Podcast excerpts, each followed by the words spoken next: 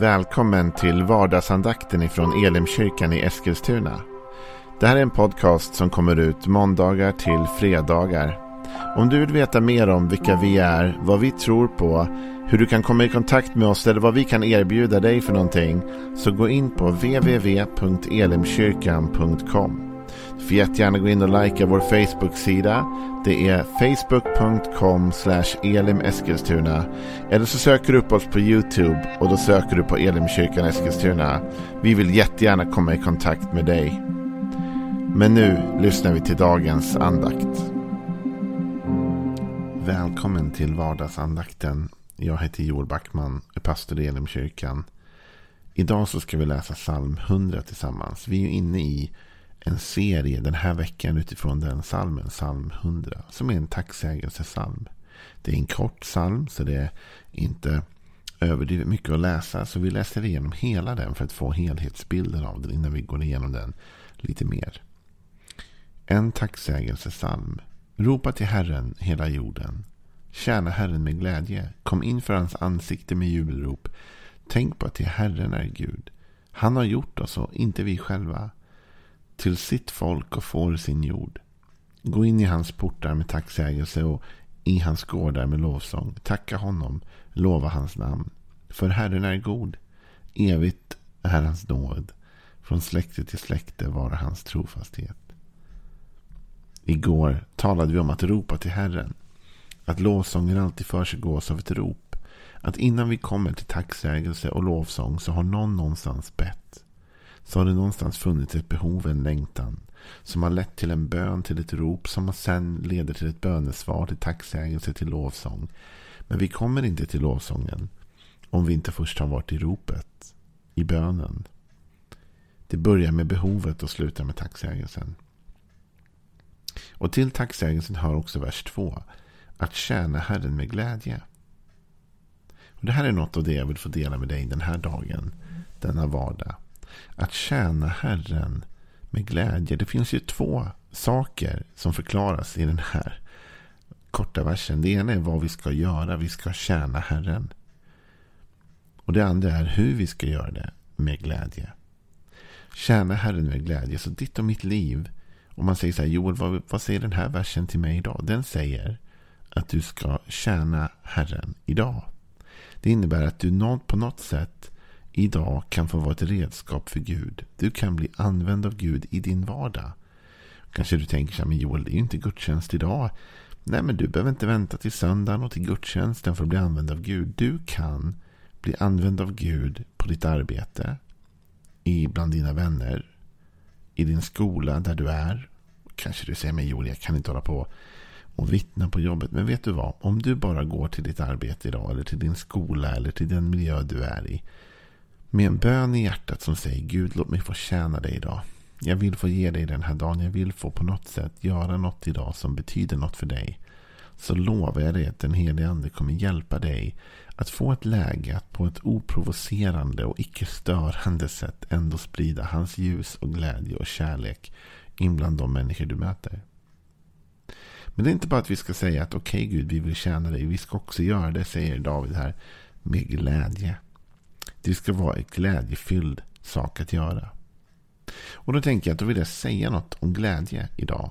Och om tjänandet. För att förstå att det kan vara glädjefyllt att tjäna Gud. Att det finns en glädje i detta så måste vi förstå någonting om den större bilden av vad Gud vill med ditt och mitt liv.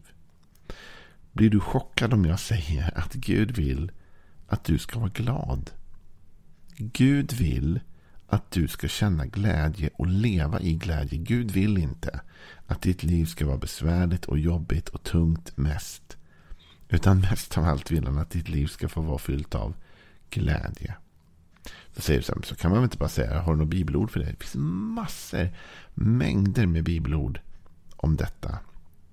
Till exempel så säger Jesus i Johannes 15, när han har talat om att vi ska leva i kärleken med honom och med Fadern, så säger han, detta har jag sagt er för att min glädje ska vara i er och er glädje bli fullkomlig.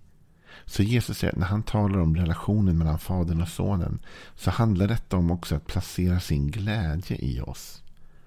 Och att vår glädje ska bli fullkomlig. I kapitlet efter i Johannes 16, vers 24 så säger Jesus Ännu har ni inte bett om något i mitt namn. Be och ni ska få, så att er glädje blir fullkomlig. Så att er glädje blir fullkomlig. Gud vill att du ska vara glad. Och när vi förstår det som helhet, som ett koncept, liksom för livet och för tron, då inser vi också att även tjänandet av Gud ska leda till vår glädje. Gud har inte som intention att genom att sätta dig i arbete för honom göra ditt liv olyckligt. Jesus har ju nyss här talat om vid två olika tillfällen att hans ambition, hans längtan är att din glädje ska bli fullkomlig. Gud vill att du ska vara glad. En del kanske känner sig oroliga för att, att ge sig ut i ett liv i tjänst för Gud på ett eller annat sätt. Därför man är rädd för vad det ska kosta eller att det ska vara tungt. Men vet du vad? Främst så ska det vara glädjefyllt. Gud kommer ge dig glädje i detta. Du kommer känna och uppleva en enorm glädje när du gör någonting för Gud. Jag talar av egen erfarenhet också. Jag vet att de gånger man verkligen känner att man har varit ledd av Gud att, att göra något för honom, att på något sätt tjäna honom, så har man känt en oerhörd glädje inombords. Det handlar inte bara om vittnesbörd. Det är det ibland, men det handlar inte bara om att nå ut med evangeliet. Det kan också vara att göra en god gärning för någon. Men som man känner är lätt av Gud. Som är i Guds tjänst. Att göra något för de fattiga, liksom. Som att det vore för Gud vi gör det. Det ökar vår glädje. Det hjälper oss. Och vi måste förstå att Gud vill att du ska vara glad. Men med det sagt så är att tjäna i glädje inte bara en känsla. Ibland tänker vi liksom att glädje det är bara den här känslan av glädje som Jesus talar om här. Den fullkomliga glädjen. Men glädje är mer än bara en känsla. Och att om man säger att vi ska tjäna Herren med glädje så kan det antyda att det aldrig blir jobbigt. Men det kan bli jobbigt ibland. Det kan vara tufft ibland att tjäna Gud. Men det kan ändå vara glädjefyllt. Det finns en sån situation i Bibeln där Petrus och, och, och, Johannes har gjort en oerhört god gärning. De har vittnat om Jesus och de har liksom verkligen arbetat för detta. De har botat sjuka och de får vara med om fantastiska saker. Det här väcker uppmärksamhet och det väcker irritation hos några av de judiska ledande. Och de här apostlarna de får bli inkallade till det judiska rådet och de ska stå till svars där. Och så står det att de blir eh, de får liksom en åthutning. Och vi kan läsa från Apostlagärningarna 5 vers 40. De följde hans råd och kallade in apostlarna och förbjöd dem att tala i Jesu namn och släppte dem sedan de låtit prygla dem. Apostlarna lämnade rådet glada över att de befunnits värdiga att förnedras för namnets skull. Och de fortsatte dag efter dag med att undervisa i templet och i hemmen och förkunna budskapet att Jesus är Messias. Så Johannes och Petrus har varit med om en väldigt jobbig grej här. På grund av att de tjänar Gud och gör det som är rätt och faktiskt hjälper människor. Så har de till och med blivit pryglade, misshandlade. Och man kan tänka att det borde tagit all glädje ur tjänandet att vara med om en sån sak. Men faktum är att här står det att de gick därifrån glada. För de upplevde att de hade ändå gjort någonting bra. Har du varit med om det någon gång?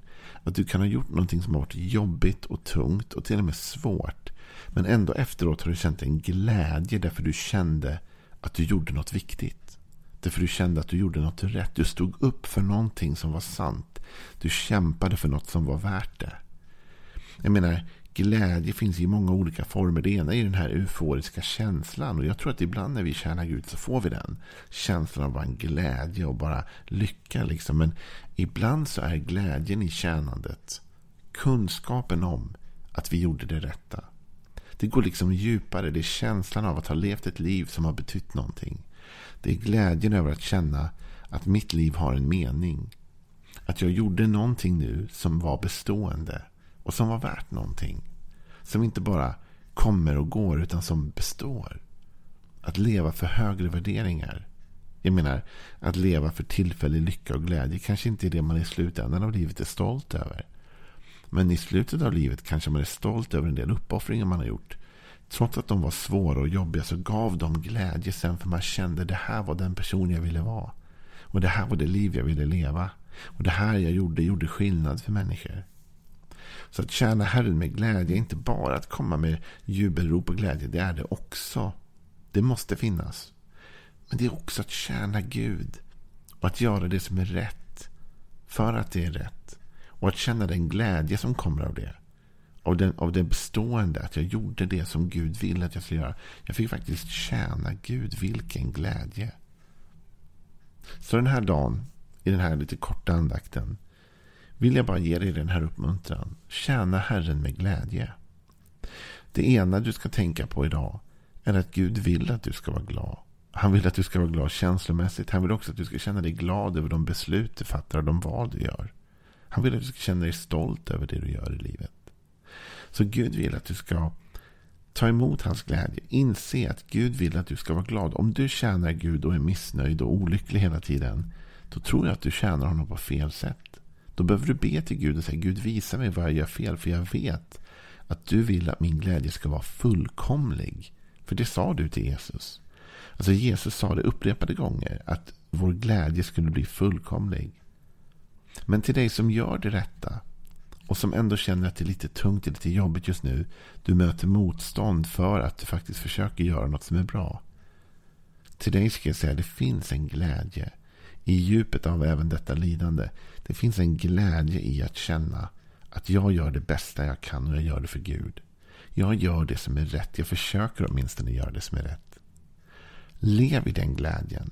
Även i det tunga, lev i glädjen av att du ändå gör någonting med ditt liv som är värt att glädjas över. Någonting som har ett djupare värde än bara ett känslomässigt rus. Ha en välsignad tisdag och tjäna Herren med glädje.